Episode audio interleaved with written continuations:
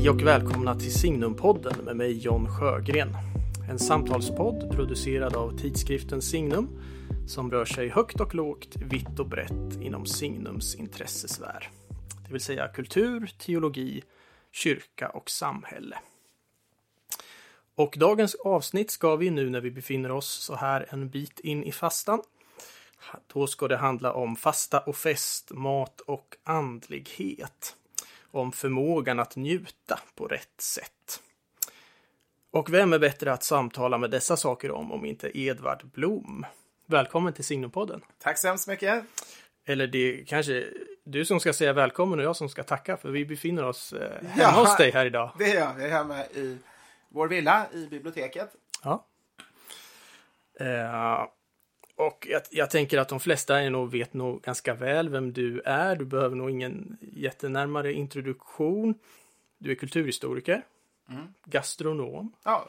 känd från en rad olika mediala sammanhang. Mm. Får man kalla dig artist också? Du har trots allt varit med i Melodifestivalen. jo, nej, men jag är väl lite artist. Jag, kallar mig sångare är överdriva, men, ja. men, redan innan jag debuterade med, med sång så, så, var jag faktiskt med i Stallbröderna som är en så här orden för, ordens, lättsamt ordenssällskap för, för artister och det är väl för att de i alla fall tyckte jag var en artist. För mitt sätt då, när jag håller ett kulturföredrag eller talar i radio eller i direktsändning är, är så pass mycket underhållning att de, de såg mig som en av dem. Och, mm. Och sen blev det ju dessutom de här små sångerna med, med julvisan och Melodifestivalen och det. Men det, det ligger ju lite utanför mitt normala område. Ja, ja. Uh, men idag ska vi fokusera på det som lite är mitt, ditt huvudämne får man väl säga. Med, med mat och, och sådär. Ja, jo, det, jag brukade ju vara eh, arkivarie och näringslivshistoriker. Men, mm. men sen nu sen, eh, kan det vara, 15 år sedan jag kom in i den här världen och nu tio år har jag jobbat huvudsakligen i eget företag med kombinationen mat och historia kan man säga, olika kombinationer. Just det. Och eh, som sagt då, idag tänkte jag att vi skulle i vårt samtal här eh, fokusera lite grann på matens och njutningens, kan man säga, lite andliga dimensioner. Mm. Eh, och jag tänker bara för att sätta tonen lite grann att jag ska läsa ett kort avsnitt ur en roman. Mm av en av våra mest matintresserade svenska författare får man väl säga. Eh, också den författare som jag kanske har ägnat mig mest åt, nämligen Torgny Lindgren. Eh, hans roman Hummelhonung handlar då om två trätande bröder varav den ena nästan helt och hållet äter sötsaker. Och det finns en central scen i den här romanen då den här brodern då som bara äter sött, eh, Olof heter han, eh, då han berättar om ett slags urscen i barndomen när han första gången får smak på sötman. Eh, och det är då just den här hummelhonungen som han får smaka, den som hans farfar brukade samla. Och han berättar hur, hur han som barn kryper in där i skafferiet på golvet och längst in hittar han en burk med den här hummelhonungen och så med fingrarna börjar han äta den här sublima sötman. Eh, och då beskriver eh, Torgny Lindgren det så här i romanen Hummelhonung. Det var så han för första gången i sitt liv fick smaka ren sötma. En söthet som inte var uppblandad med något annat, utan endast var sig själv. Den sötaste smak som människan kan få erfara. Honungen genomträngde hela hans varelse och försatte honom i ett tillstånd av sällhet och hänryckning. Det var den fulländade njutningens ögonblick. En stund och ett tillstånd som han under sitt återstående liv, oavbrutet men i huvudsak förgäves, hade vinnlagt sig om att återskapa åt sig. Då han hade slickat glasburken så ren att den såg ut som diskad i källvatten och då han sköt undan sillkaggarna och krukorna och flaskorna och kröp ut på golvet igen då var han inte längre densamme som förr. Men njutning, sa han. Nej, njutning är ändå icke det rätta ordet. Hur utsäger man det outsägliga? Om jag visste det rätta ordet skulle jag säga det. Och i den här scenen då så beskriver ju Lindgren på ett fantastiskt sätt mm. tycker jag en smakupplevelse och njutning som tangerar nästan en extatisk upplevelse. Närmast någonting mystikt. Mm. En erfarenhet av det gudomliga nästan. Eh, och det talas ju om sällhet och hänryckning här i texten. Ord som ju ger andliga associationer. Eh, och det finns egentligen då inga ord för den här upplevelsen. Hur utsäger man det outsägliga som man säger?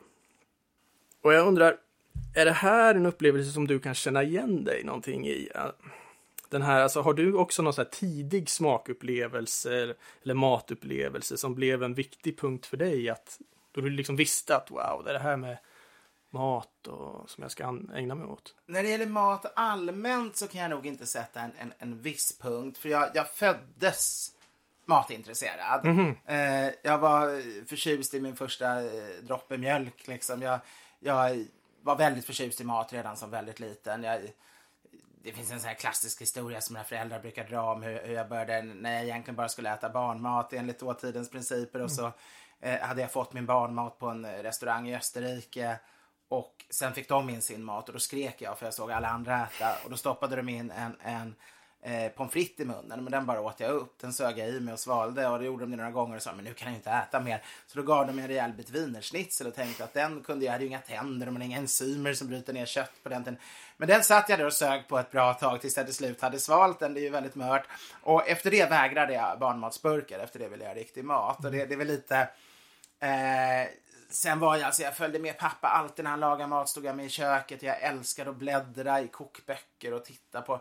Mamma hade sådana här små receptkort som kom en gång i månaden från eh, Mästerkocken tror jag de hette. Man skulle sortera in olika eh, sådana här lådor som var populärt på 70-talet med receptkort. Och då var det ju vackra färgbilder. Jag satt och tittade där på jordgubbstårtor och på, på eh, olika eh, vackra fiskar och, och, och var, var, alldeles tagen. Mm. Så, så mat, matintresset fanns absolut. Men Eh, jag har ju absolut den här upplevelsen på vissa rätter. Mm. När man första gången fick smaka. Det är några få sådana där rätter. I mitt fall är det inte det söta. I mitt fall är det snarare det feta. Mm. Det här när, när det är smaker som, som förs fram och mycket fett. Första gången eh, man åt Stilton. Första gången jag mm. åt eh, en liten eh, uteservering i Strasbourg när, när jag som 18-åring åt anklever första gången. Så, som inte finns, det finns ju inget liknande, det finns inget som smakar på det viset. Det här att det är den riktigt gjord, den är skjuten väldigt låg temperatur så den, i konservburk blir den förkokt. Men när det är en ankleverterrin som, eller gåsleverterrin som är, då är den ju som ischoklad, att det blir kallt i munnen av fettet. Men samtidigt all den här smaken som då lyfts fram och, och, och så ett sauternvin till det mm. som, som mixas. Eh, det är en sån här upplevelse så, så, som jag aldrig kommer glömma. Mm. Så, som, sen kanske jag inte har, den stackars mannen i Hummelhonung är ju lite grann som, som eh, någon som har tagit narkotika och det är bara mm. riktigt bra första gången och resten mm. av livet blir ett jagande efter samma njutning. Det har inte jag problem med. Jag, jag kan eh, njuta gång på gång på gång av samma sak. Mm. Det, det, är inte så att första njutningen var bäst. Tvärtom kan jag tycka att det kanske när man lär sig en smak. Må många rätter blir bättre när man har ätit dem många gånger. Till exempel äter man mozzarella första gången. Det är helt meningslöst. Det smakar bara stearin. Mm. Man måste lära sig, man måste pressa mozzarellan med tungan och trycka den mot gommen så att det rinner ut vätska. Det är då du får mm. den här mm. gräddiga smaken. Eh, även oliver blir bättre om du tar dig tid och liksom låter olivoljan lite grann tryckas ut, men då mellan tänderna snarare. Så att du lite grann pressar ut, inte bara, eh, det ska inte bli tapenad utan först vill du ha oljan och sen mosar du till det så det blir mer eh, köttigheten och frukten av det hela. Så, så jag skulle nog säga snarare att man, och man kan också bli lite skarpare i hjärnan. Smör tycker väl alla är gott, men har man haft smörprovningar, har man, har man blindprovat smör, har man provat olika, så är man lite skarpare och, och lite mer medveten om vad man, vad man och då blir bra smör bättre. Och annars mm. blir ju dåligt smör eller margarin blir ju mycket sämre. Så det är ju nackdelen. Ja, det. Mm. Det, det. är faran. Mm. Fördelen är att man kan få större upplevelser när det är bra. man blir också bortskämd. Just det, det som är dåligt blir också sämre på något sätt. Så är det ja, tyvärr. Ja. Man, man, om man är duktig på något så. Mm. Det är ju som en konstvetare. Han kan inte finna den kanske glädjen i, i, i ett hötorgstryck längre. när, när han har, om man har sett Rembrandt hela livet och mm. jobbat med det. Nej, så är det. Eh, nej, men det var just det, att jag valde det här eh, avsnittet också ur Lindgrens roman var lite för att eh, utifrån en, en sak som jag har läst att du har sagt i en intervju en gång mm. som jag tyckte var så bra. Eh, och som då handlar om det här med smakupplevelsen, mm. att det kan peka mot Gud och närmast vara någon slags eh, gudserfarenhet då. För det finns två gudsbevis som jag tycker är, är, särskilt bra. Det är, inget av dem är något av Thomas av Aquinos eh, fina gudsbevis. De är väldigt eh, eh, ja, de är väldigt smarta och så. Mm. Men mina två favoriter, det, det ena kommer från Pavel Florensky, mm. som var rysk författare och eh, filosof kanske man kan kalla honom. Eh, som skrev mycket om ikonmåleri. Mm. Och han sa att eftersom Rubjovs treenighetsikon finns, alltså finns Gud. Mm. Eh, Andrei Rubjov, då, den stora mm. ryska ikonmålaren som gjorde den här eh, treenig, eh, gammaltestamentliga treenigheten. Eftersom mm. den finns, finns Gud, har han sagt. Och sen då det andra eh, formuleringen, gudsbeviset, det kommer från dig. Som oh. tror jag, eh, jag läste i någon intervju någonstans, nu hittar jag inte det här, men du sa någonting i stil med att majonnäs finns. Alltså finns Gud. Ja, ja, det... Och, ja, det där tycker jag, jag är ganska jag briljant. Jag någon gång la ute på Twitter. Där, där, som, ja, det är kanske är där jag sett det. Ja. Att, att, det är ett gudsbevis, absolut. Just det, men alltså, fungerar det så där för det? Alltså har maten också den typen av andliga dimensioner? Att, uh... Jag tycker den har en enorm andlig dimension. Mm. Alltså, eh, läser man Gamla Testamentet är ju maten med egentligen nästan överallt. Det är ju, på den tiden är det ju liksom maten man, off, man offrar djuren och man eh, häller ut blodet men sen äter man ju, delar ju köttet tillsammans. Hela folket, till och med de spetälska fick, fick delar eftersom även de tillhörde folket. Även om man inte ville vara med dem fick de ändå del av offerköttet. Och, och, och, och, så att liksom, maten har varit så central och den är ju symbolisk och i, sen i, i nattvarden att, att, mm. att Kristus väljer att använda bröd och vin för, för att, att eh, förvandla, när han ska förvandla något till, till sin kropp och, och blod. Mm. Eh, det är väldigt närvarande. Bröllopet i kanan också väldigt mm. tydligt när han inleder sina... Så, så, mat och dryck finns ju väldigt tydligt egentligen i, i, i hela, hela Bibeln. Också som en eh, just tecken på Guds godhet. Eh, judarnas sabbat eh, häller man ju alltid vin i en bägare tills den rinner över. Mm. Det är ju en del av sabbatsfirandet var, var, varje vecka. Och just för att visa på Guds eh, enorma generositet.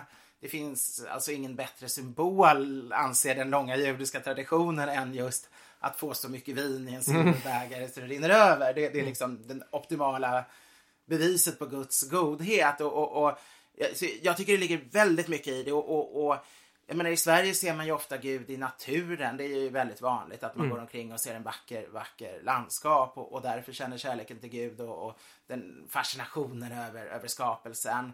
Och, och, naturligtvis känner man det i sakramenten, men jag tycker absolut, och i musiken när man mm. hör Bach, men, men den lycka som man får eh, av ett, av ett eh, fantastiskt Eiswein eller av en rundrökt ål eller mm. eh, man pressar en liten bit eh, störom så den går sönder i munnen. Eller för den del mycket, mycket enklare saker också. Jag menar, mm. nybakat bröd med, med lite nykärnat smör i en, mm. i en fäbodstuga eller, eller egentligen ett ägg, ett perfekt kokt ägg. Det är ju en lycka, en glädje som är var gång man äter det är, är det ju faktiskt li, lika fantastiskt. Och mm. Att tänka bort Gud ur det skulle för mig vara omöjligt. Naturligtvis finns all gång allting som gör en glad och lyck, ännu mer det som gör en hänryckt och lycksalig då, mm, som mm, bra mat. Det är naturligtvis så, så, så ser man det som, som, ett gudsbevis och som ett bevis på Guds stora generositet och underbara skönhet. Och, mm. Jag menar, Ignatius talar ju till och med om att man ska smaka på bibelorden och smaka på Gud och, och, och så eh, han stackaren var ju själv väldigt asketisk men, men, men han, han hade ändå den, för, alltså samma inställning, kanske just därför han var asketisk. För han, han tyckte att han ville offra det han tyckte bäst om. Han måste ha uppskattat mat, även han, när han, han använder de symboliken. Mm. Ja just det, det blir som maten som att man upplever det på ett sakramentalt sätt kan man säga. Ah. Alltså som någon som verkligen förmedlar Guds nåd och närvaro. Precis. Ja.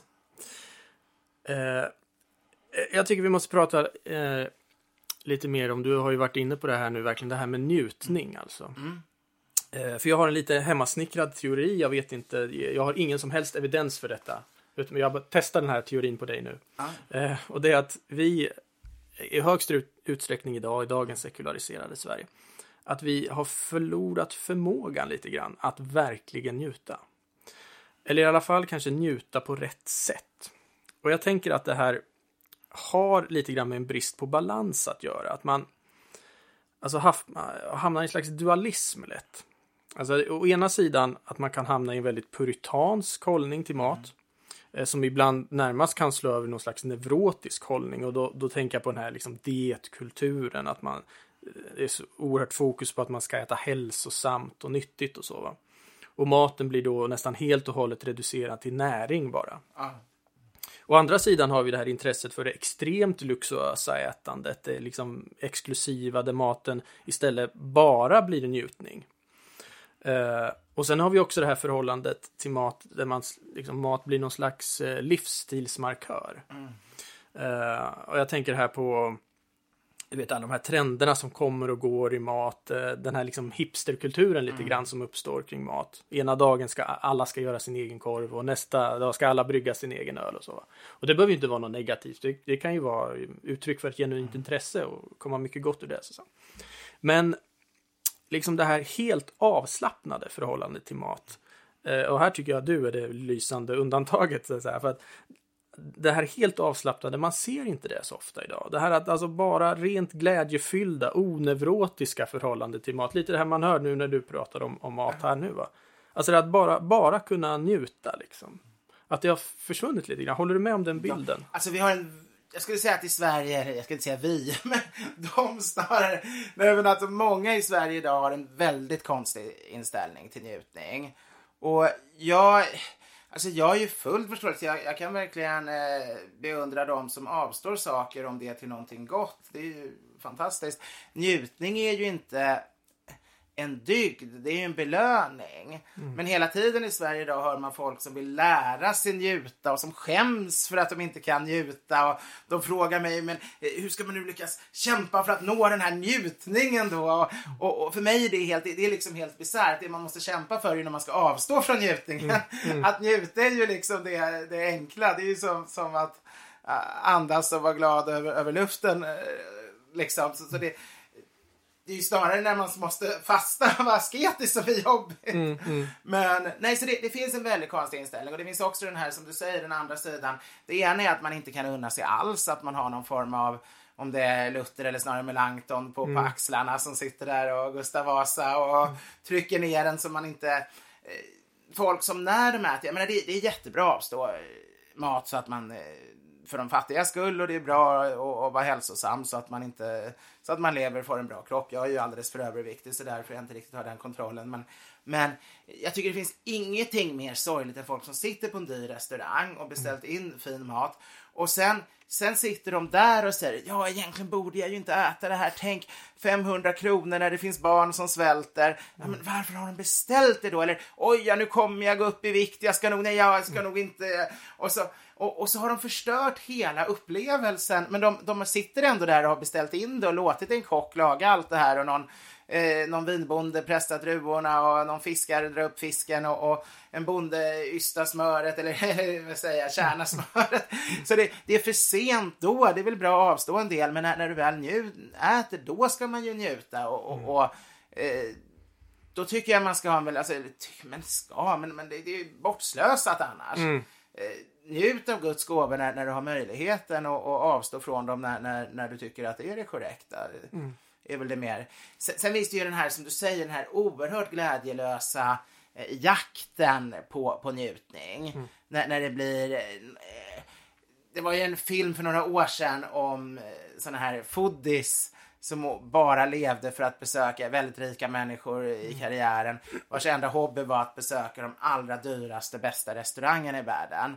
Och, och då såg man när de reste runt ensamma så satt de i de här eh, spejsade miljöerna med glas och ganska tråkigt och sterilt. Och så fick de in sina små, små pluttar som de satt och dissekerade och såg oerhört allvarliga och olyckliga ut medan de åt det där. Och sen gick de hem och hade ännu klarat av ännu 50 olika konstiga nya smaker och strukturer och kunde ha, ha åsikter om det. Och det har ju ingenting med njutning att göra. Det, det har ingenting med mat längre att göra heller. Det är på något vis när, när mat ska vara en hobby för dem som inte tycker om att äta. Och det finns många, alltså det, nu börjar det bli, har passerat lite grann, men det var väldigt inne i Sverige, den där typen av lyxrestauranger ett tag. Mm. Jag var på till exempel eh, Esperanto mm. och det, det var jättegoda saker, men det var Alltså, de kunde ha en sås, de hade en puré, de hade säkert jobbat med i timmar och skjudit och rökt och fixat. Och sen var det tre små droppar stora som, som ärtor. Och det går inte att känna smaken. Det är som de här bluffprogrammen i tv, alla de här tävlingarna, mattävlingarna. Där tar de ju en sked och så ger de bedömning. Jag har ju varit med i alla de där och Mm. det, det, det, som gästdomare och så, suttit i juryn också. Och, och det man gör naturligtvis utanför film sitter man ju länge och skriver och antecknar och smakar Mm, och känner. Det går ju inte att avgöra med en tugga. Och det är likadant med de där små puréerna de har gjort. De är helt bortkastade. Du känner inte smaken av en droppe. Och sen efteråt gick man och var vrålhungrig och fick gå och köpa en korv på andra sidan gatan fast det kostat massa tusenlappar från den som bjöd mig på det då i sitt Ja. företag. Så det var ingen, ingen katastrof skedde. Men Nej, ändå. Nej, men det, är ju inte, det känns ju inte som ett liksom, korrekt sätt att njuta av Guds gåvor på något sätt. Det blir, då blir det... Ja. Ja. Men man skådar så väldigt exklusivt. mycket given häst i munnen också. Mm. För att det, det blir för exklusivt men det är också en helt... eh, Man har släppt hela glädjen i det. Det. Det, det, det är som om man har musik, men istället för att lyssna på musiken Istället för att lyssna på Bach så gör man om det till talförhållanden och så sitter man och studerar bara siffrorna och mängden, hur mycket, ja men där är en trea, där är 711,2, där är så mycket ett på den. Utan att höra musiken. Det, det blir ungefär det, man försätter sig i. Och, då, teori kan hjälpa en att nå fram lite längre inom vissa saker, men när det bara blir teori då är det ju helt meningslöst, för det är ändå det sinnliga som vi som människor känner igenom. Det är både mat och, och musik och konst och ändå i första hand en sinnlig upplevelse. Ja, det med musiken var en väldigt bra liknelse. Eh, men eh, min teori då här är att vi har förmå- eh, förlorat lite grann förmågan att njuta. Så här, eh, den här lite bristande balansen. Eh, jag tror att det delvis beror på att vi lever också kvar i någon slags här dualistisk föreställning där det kroppsliga på något sätt ställs lite emot det andliga och det själsliga och så. Alltså istället för att som i klass, klassisk kristen tradition då se människan som en andlig kroppslig helhet, alltså ande och materia i, harmonisk förening. Eh, men jag tror kanske framför allt att det beror på det här att vi har förlorat eh, den naturliga balansen mellan fasta och fest. Apropå det nu att det är fasta här. Som, eh, så för, jag tänker förr i tiden, då var ju festen och fastan väldigt djupt sammankopplade med varandra. Och som man tänker på den medeltida kulturen till exempel, då fanns ju där då innan den här 40 dagar långa fastan som vi nu har gått in i. Då fanns ju den stora karnevalen. Ja. Alltså en riktig brakfest helt enkelt. Eh, och efter fastan kommer ju givetvis den stora påskmåltiden, den stora påskhögtiden och så va. Men jag tänker också, när den här naturliga balansen då mellan fasta och fest, när, då, när den försvinner, då tänker jag att också festen förlorar i betydelse. Eh, du, du har ju ett berömt citat som väl också har blivit någon låt där, när, man festar, då festar man och då festar man rejält. Just det, just det. Eh, men jag tänker så här, om, om det alltid är fest, då är det ju också aldrig fest. Nej. Eh, om du förstår vad jag menar. Så. Så jag tänker så här, alltså bara den som lärt sig att avstå kan också verkligen njuta. Det- Den där låten eh, som samplades då, som det kallas, alltså man har spelat in eh, ord av Ja. Mm. och, och, och tonsatt och så det blev ju en stor hit. Eh, och eh, jag sålde platina faktiskt. Fick en platinaskiva som jag har på väggen bredvid mina andra bok... Diplom och liknande riddarduvningsintyg och så. Men, men eh, det var faktiskt en intervju jag hade i Malou efter tio som just gick ut på där vi just talade om det här temat. Mhm. För det jag talade om var faktiskt egentligen fasta och avstå Jaha. då Mm, också. mm, Och så sa jag bara när man festar festar man och då festar man rejält. Men när Ja, man, och, och då klippte de naturligtvis bara med det där med festandet som jag inte ens hade tänkt på att jag råkat säga i intervjun. Men det stämmer ju. Eh, var sak ska man ju göra fullständigt hängivet och gå helt in i. Jag tror absolut det. Alltså man kan ju se historiskt. Eh, dels var ju de flesta, om vi undantar några procent av befolkningen, så hade de ju sån brist på mat. Så det normala över hela världen och i alla tider, vi lever ju i ett extremt undantag nu, som egentligen inte existerat historiskt mer än för, för någon galen Trimalchio eller kejsare eller någon kung, liksom någon greve. Men normalt sett har man ju inte haft fri tillgång på mat. Utan maten har ju tagit slut. Efter julfirandet så var det inte mycket kvar. I bästa fall hade man haft goda år så fanns det ändå säd och kanske till och med lite torkade ärtor. Eh, någon, någon aning fläsk kvar insaltat kanske, men för vissa tog det mer eller mindre helt slut. Och, och, och, man fick längta efter att de första vildfåglarna skulle lägga, lägga ägg så man kunde få vildägg. För det var liksom det första innan det kom upp något grönt fick, fick man ändå vildäggen. Eh, och, och, det var nödmat. Man åt ju allt möjligt hemskt som granskott och liknande på våren. För att man, man, så det har ju alltid funnits en, en väldig svält egentligen till och från. Men åtminstone väldigt brist på mat historiskt. Och eh, Å andra sidan har alla kulturer haft att man lägger undan lite, hur dåligt man än har, så lägger man undan till, till jul eller kinesiska nyåret eller vad man nu har för årsfest, bröllop, begravningar också i alla kulturer. För att det är viktigt att skilja på det här, att även om man har det väldigt, väldigt dåligt så vill man hellre ha det ännu lite sämre för att några gånger under året kunna festa riktigt och ha någonting man ser fram emot och någonting man minns efteråt. Att, att, det inte bara är en jämngrå utan någonting som bidrar till att, att skapa den här mer, mer, mer cirkulära tidsuppfattningen och, och, och lyckan att, att ha någonting att se fram emot och, och, minnas. Och sen blir det ju här, så det, är redan grunden i all mänsklig kultur lite grann. Sen, sen, blir det ju ännu starkare då när, när man hade som den, den, den kristna Europa under medeltiden då och det katolska Europa att man dessutom hade hela den här uppsjön av all, alla fredagar var, var fasta, alla mm. söndagar mm. var fest. Det var eh, lilla fastan före jul och stora innanför påsk och en del ytterligare fasta dagar. När det var som mest fasta dagar var det ju faktiskt hälften av alla dagarna under året som man inte fick eh, äta kött. Mm.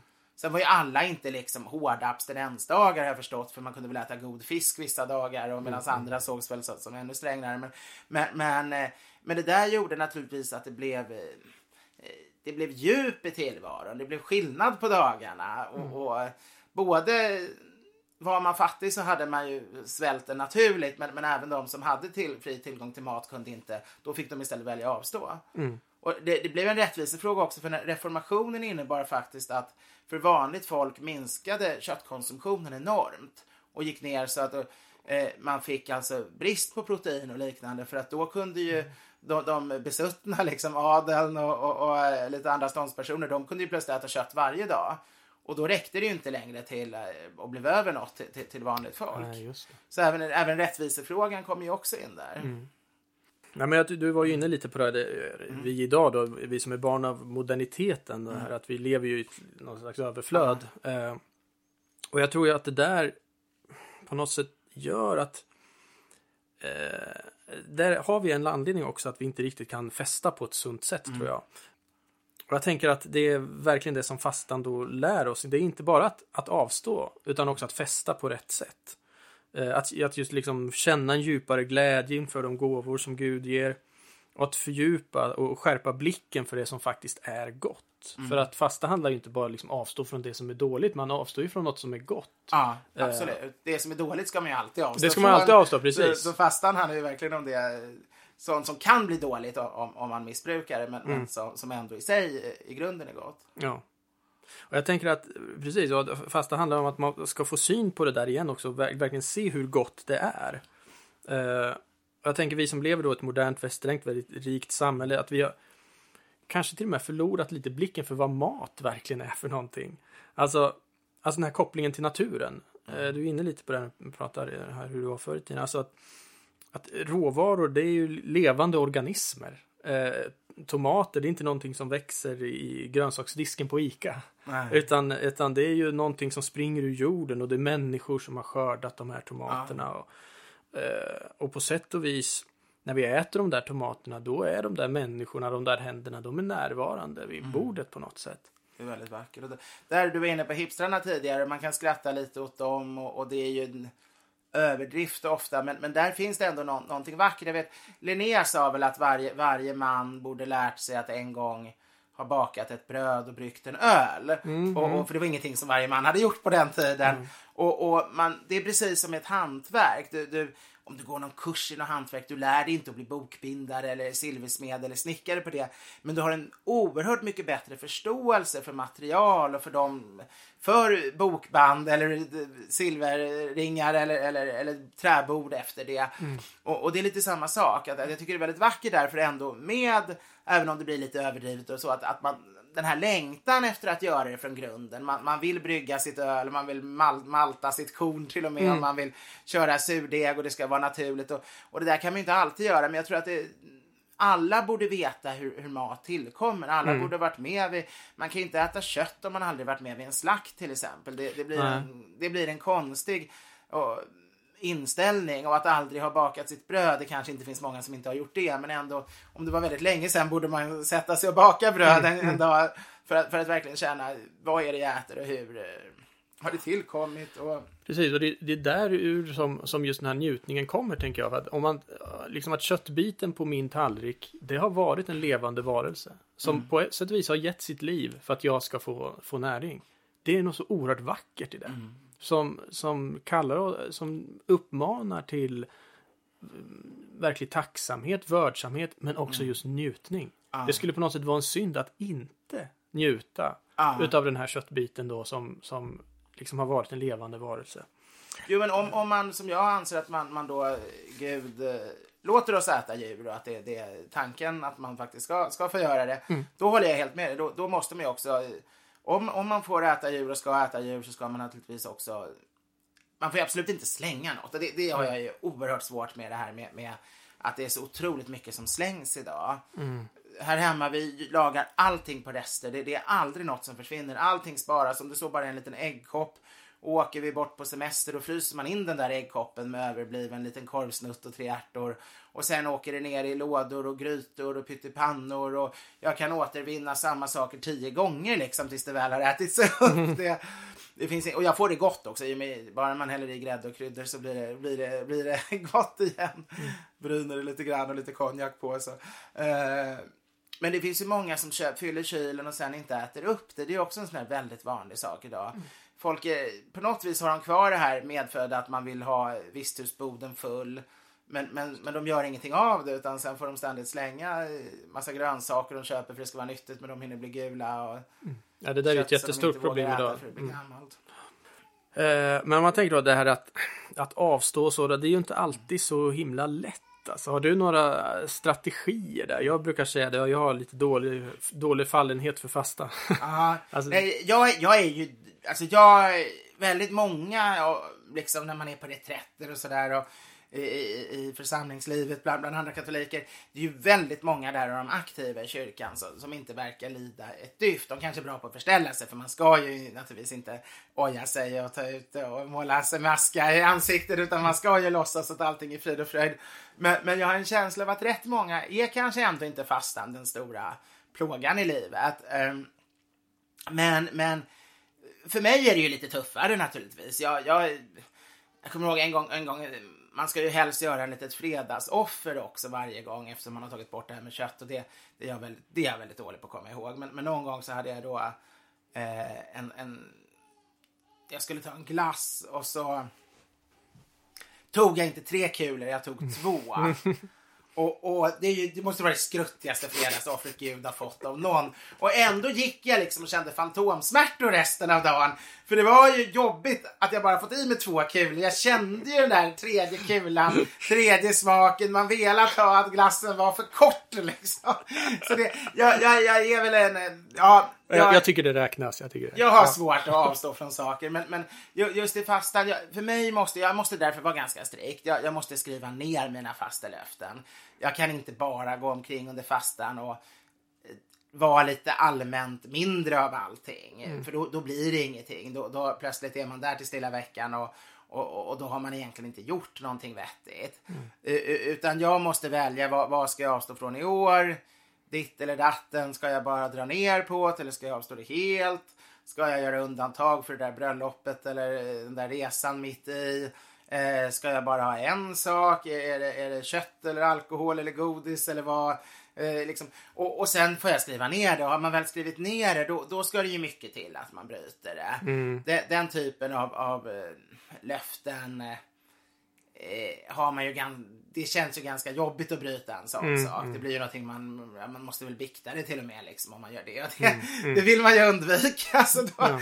då, skapa en yttre struktur kan ju vara ganska bra för att sen är ju allt det här klassiska, man, man ska ju inte man, man, ska ju inte liksom bygga en grund som är större än huset man, man klarar av att bygga.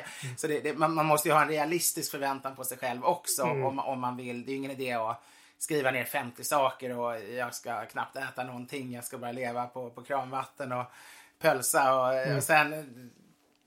Nej, ja. det måste ju vara realistiskt. Och, och det måste funka med med ens hälsa och med, med ens tid i livet. Och, och, men man får inte lura sig själv samtidigt. Det får inte vara för lätt för det måste ju vara de där sakerna som man tycker. Ska det vara meningsfullt? Alltså det, det är ju naturligtvis all fasta är bra. Man kan göra på olika sätt. Men för min del tycker jag att ska det vara meningsfullt måste det vara det där man tycker riktigt, riktigt bra om. Och som man kanske lite, som, som du var inne på, känner att man lite tapp, tappar sin glans om, om man om man inte avstår. Så avståndstagandet främst är ju för, att ge ett offer till Gud, det är för att frigöra pengar och skänka bort det för att få, få tid till eftertanke. Och, men, men, men som du säger, den där aspekten att det, jag skulle säga att jag, jag, fastar inte för att maten ska smaka bättre eller, eller ruset blir roligare när, när, efteråt. Men det är snarare en gåva av Gud. Om man fastar av andra grunder så, så blir det dessutom så att allting eh, blir mycket bättre när, när man väl har klarat av det. Mm. Eh, jag tänker ytterligare ett tema som eh, vi skulle kunna prata om är lite det här med eh, tacksamhet. Jag tycker att det är verkligen någonting som måltiden ah. övar oss i. Alltså, säga, en av det kristna livets mest grundläggande insikter är ju just där allt är mm. gåva. Att allt har vi fått ta emot som en gåva från Gud. Och ingenstans tänker jag att det här blir så konkret och tydligt som vid just middagsbordet. Eh, där ser vi hur beroende vi rent kroppsligen är av Gud. Måltiden eh, påminner oss om att det är Gud som i varje ögonblick upprätthåller vår existens. Det är han som när oss, så att säga, både kroppsligen och andligen. Mm. Och här tänker jag faktiskt på, eh, när det gäller tacksamheten, då, jag tänker på ytterligare en roman av Torgny Lindgren faktiskt. Eh, som också kretsar kring en maträtt. Du, du nämnde den här äh, pölsan. Ja. ja. Har du läst den? Ja, ja, ja, den pölsan de lagar där, den skulle ju vara, den är ju snarare hör påsken till och inte fastan. Ja, precis. Gillar, gillar du pölsa? Jag tycker om pölsan när den är riktigt gjord.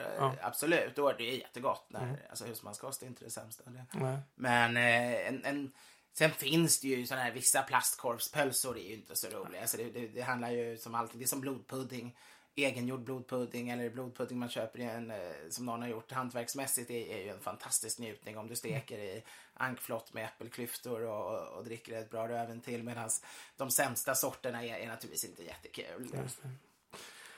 Nej men den, den romanen då eh, den handlar ju om, handlar om massa saker, men den handlar bland annat om just två, två män som, som far genom hela det inre av Västerbotten för att försöka jakt på den yppersta, allra bästa pulsan. Och de antecknar och filosoferar och för intellektuella upphöjda samtal om pulsens sammansättning och natur och sådär. Eh, och sen till slut då, när de har smakat alla Västerbottens pulsor då, då säger de att de drabbas av en så djup tacksamhet så de måste ge någonting tillbaka. Så de väljer då att eh, skriva en bok om pulsen. Och jag tänker att det här att tacka för maten, det är något så djupt mänskligt som pekar just mot det här vi började samtalet lite om, med det här att Gud som alla goda, goda gåvors givare. Och den här instinkten då, bordsskickets mest grundläggande regel då kan man säga, att man ska tacka för maten. Det, det antyder ju att det finns en givare.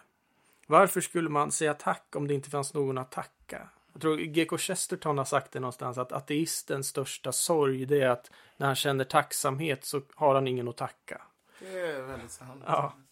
Uh, och jag tänker just det här med uh, tacksamhet att det är så oerhört centralt. Alltså inte bara i det kristna livet.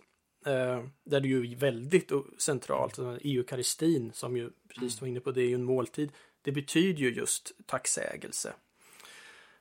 Men jag tänker också att det är så det är ju verkligen i centrum av hela det sakramentala liturgiska livet är tacksamheten. Men det finns också något väldigt allmänmänskligt i det här med tacksamhet. Eh, vet, filosofen Heidegger han har sagt någonstans att att tänka är att tacka. Han argumenterar då för att tänkandet och tackandet rent etymologiskt hör ihop.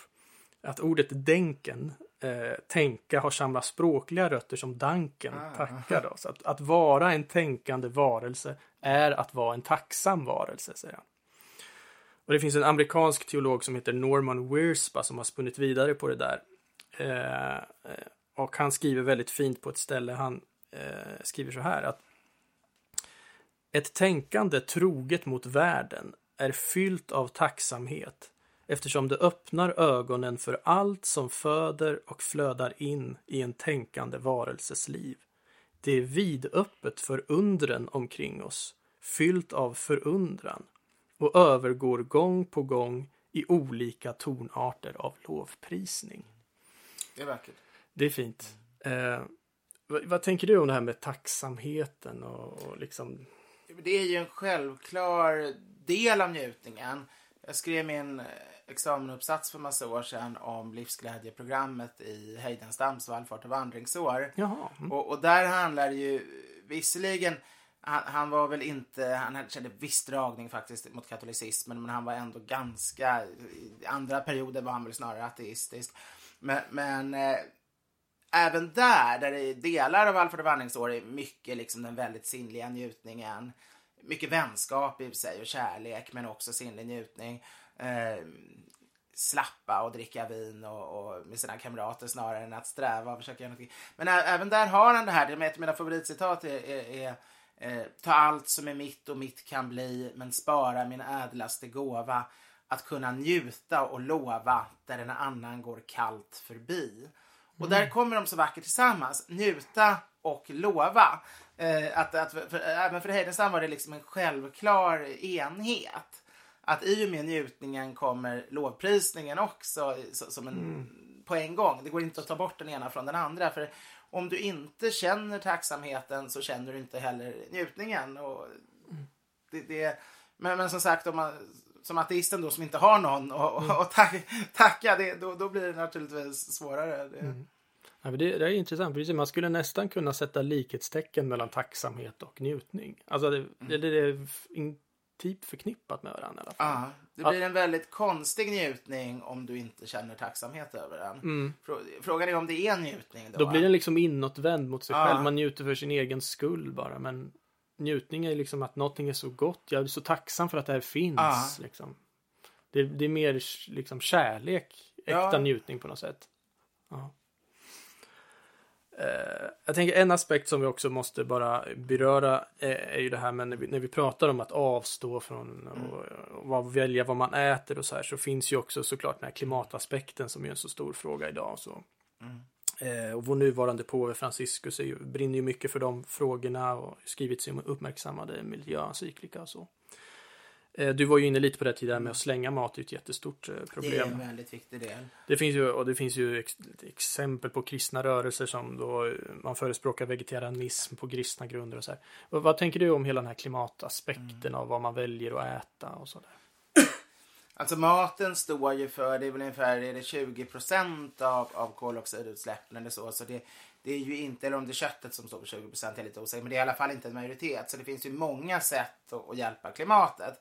Sen är ju det en dålig ursäkt om det betyder att man inte gör något sätt, som det ofta är om man, om man säger det. Man, man kan ju inte både ha bil och, och flyga och, och, köpa nya kläder och, och, bo i ett stort hus och byta ut sitt badrum och sitt kök mot Eh, Eh, massa nyproducerade saker och äta kött varje dag. Jag menar, det, nu har vi väl kommit eh, så pass långt att vi vet att klimatet faktiskt påverkas. Eh, för tio år sedan var jag fortfarande lite tveksam för det finns så mycket, just naturen är så pass stor och det har hänt så mycket. Man har hört varningar förr åt olika håll. Som, men nu, nu är väl forskningen så pass enig att, att alla vi kristna måste, måste tro på det. Det är tillräckligt mycket fakta för att vi inte ska kunna låta bli och, och ta hänsyn till det.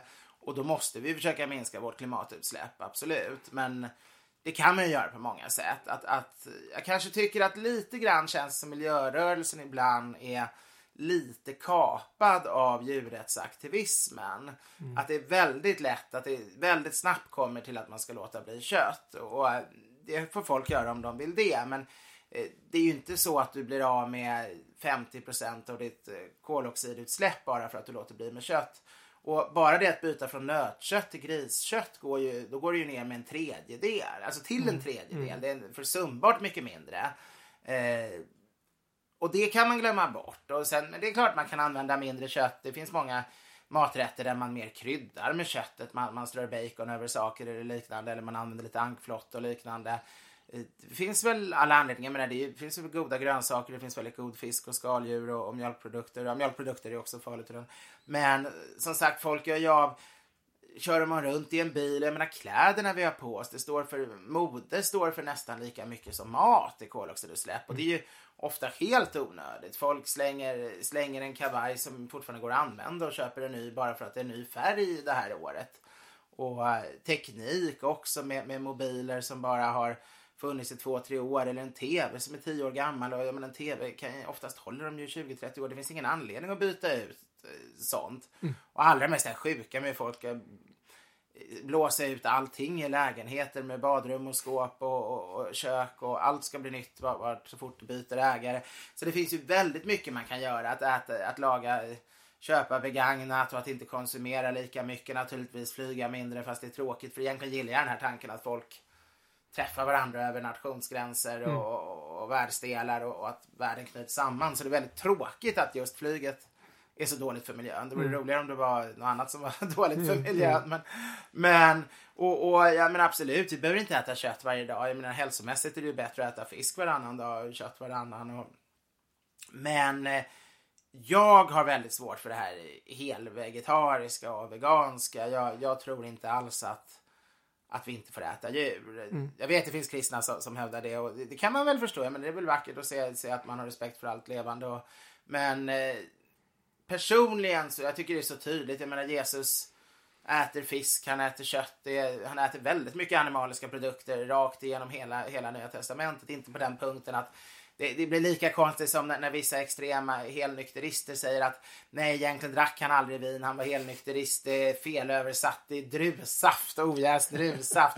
och det blir lite samma om man säger nej, men det har de dragit till, egentligen åt han bara bröd, han åt aldrig någon fisk, han åt aldrig någon lamm. Och det, det, det är inte trovärdigt. och, och eh, som kristna tror vi ändå, jag menar det, om, om man bara jag kan förstå kanske då hinduerna som tänker sådär att eh, ja men man ska, men, men som kristna har vi ju faktiskt lite grann ett facit eftersom eh, Kristus är den perfekta människan. Mm. Förutom att han är perfekt Gud så, så om han äter kött och fisk så är det nog ingenting och det är hela gamla testamentet med, med, med köttets betydelse och alla liknelser och så. Det, jag tycker inte det är något problem. Jag tycker absolut vi har rätt att äta kött. Däremot så som allting, det ska ju inte överdrivas. Vi ska inte vi ska ju inte plåga, alltså djuren ska naturligtvis födas upp på ett bra sätt och med tacksamhet. Precis som man fäller man ett stort gammalt träd så ska man ju göra det med tacksamhet också. Och, och eh, dödar man, slaktar man ett djur så ska man ju absolut göra det med, med stor tacksamhet och man ska äta det med tacksamhet och man ska inte slänga bort maten. Man ska framförallt äta alla delar också. Mm. Det här fruktansvärda att folk inte längre äter inälvsmat och Eh, man, man, slaktar så hela hjärnan rinner ut så inte den längre går att använda fast kalvhjärna brukade vara den stora delikatessen på, på ett nötdjur och, och eh, det slängs bort jättemycket delar. I bästa fall så går det till hundmat men mm. det är, och då är det väl bara till hälften bortslösat. Men, mm, mm.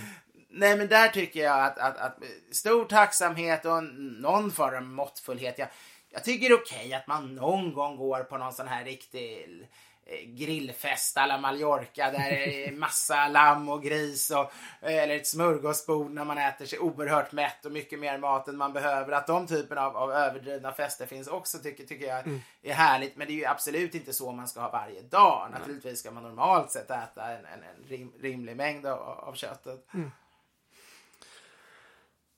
Ja, avslutningsvis här. Eh bara en fråga. Vi, vi befinner oss nu ganska tidigt i fastan mm. här, men jag kan inte låta bli att blicka framåt här mot eh, påskdagens morgon, uppståndelsens morgon. Eh, hur, när nu då fastan väl är över och påsken kommer, vad ska man rent eh, kulinariskt, hur ska man fira den? Alltså julen har ju väldigt, sin väldigt traditionstyngda mat. Mm. Där är det ganska tydligt vad man ska äta, men påsken är inte riktigt lika... Vad, vad äter man om man ska äta traditionellt? Det viktigaste är ju ägget och lammet. Eh, mm. Skulle, alltså, lammet är ju självklart för det är ju eh, först den judiska eh, ja. traditionen liksom med, med, att man skulle slakta ett lamm. Och, och ja, mm. alla, ja, vet ja. det. Mm. Och sen har vi ju hur, interpretationen av den i och med Kristi som, Kristus som offerlammet. Så lammet blir ju oerhört centralt både för judar och kristna till påskfirandet. Och, och Eh, ett påskmåltid utan lamm, det blir jättekonstigt. Det finns ju en hel del eh, svenskar som, som bara om du säger svensk till skillnad från oss etniska katoliker. vi har ju varit min familj har ju varit katolik så många generationer så man känner sig inte alltid helt som svensk fast vi är svenska. Mm. Men, men, eh, men eh, i alla fall, det finns ju många, många svenskar då som, som inte har någon lamm alls på bordet. De har snarare en kopia av eh, midsommar eller, eller jul med Ja, nästan det är julbordet är ganska vanligt, Sill, prinskorv, köttbullar. Prinskorven och köttbullarna kom väldigt sent till julen också. Det är egentligen, det kom in på 1950-talet så det, Mhm. det är inga men, men, men korven är ju en gammal festrätt. Det är ju bon, bondens festmat med smörbröd, eh, öl, brännvin, eh, ost, eh, korv, lite insaltat kött liksom. Och det är lite grann kanske torkad fisk. Det är lite grann det som idag har överlevt i den här sill, sillunchen som har blivit vår standardmat till alla högtider. Eh, men det är ju inte en kristen påskmåltid utan självklart är det lammet som är, är, är det absolut viktigaste. Men sen kommer ju ägget och det är ju intressant för ägget är ju en inte bara kristen. Den, är ju, den här typen av fester på våren det har ju med årstiden att göra. Som jag tidigare nämnde så svalt man ju hela den här tiden oftast och det första man fick tag i var vild, vildfåglarnas ägg.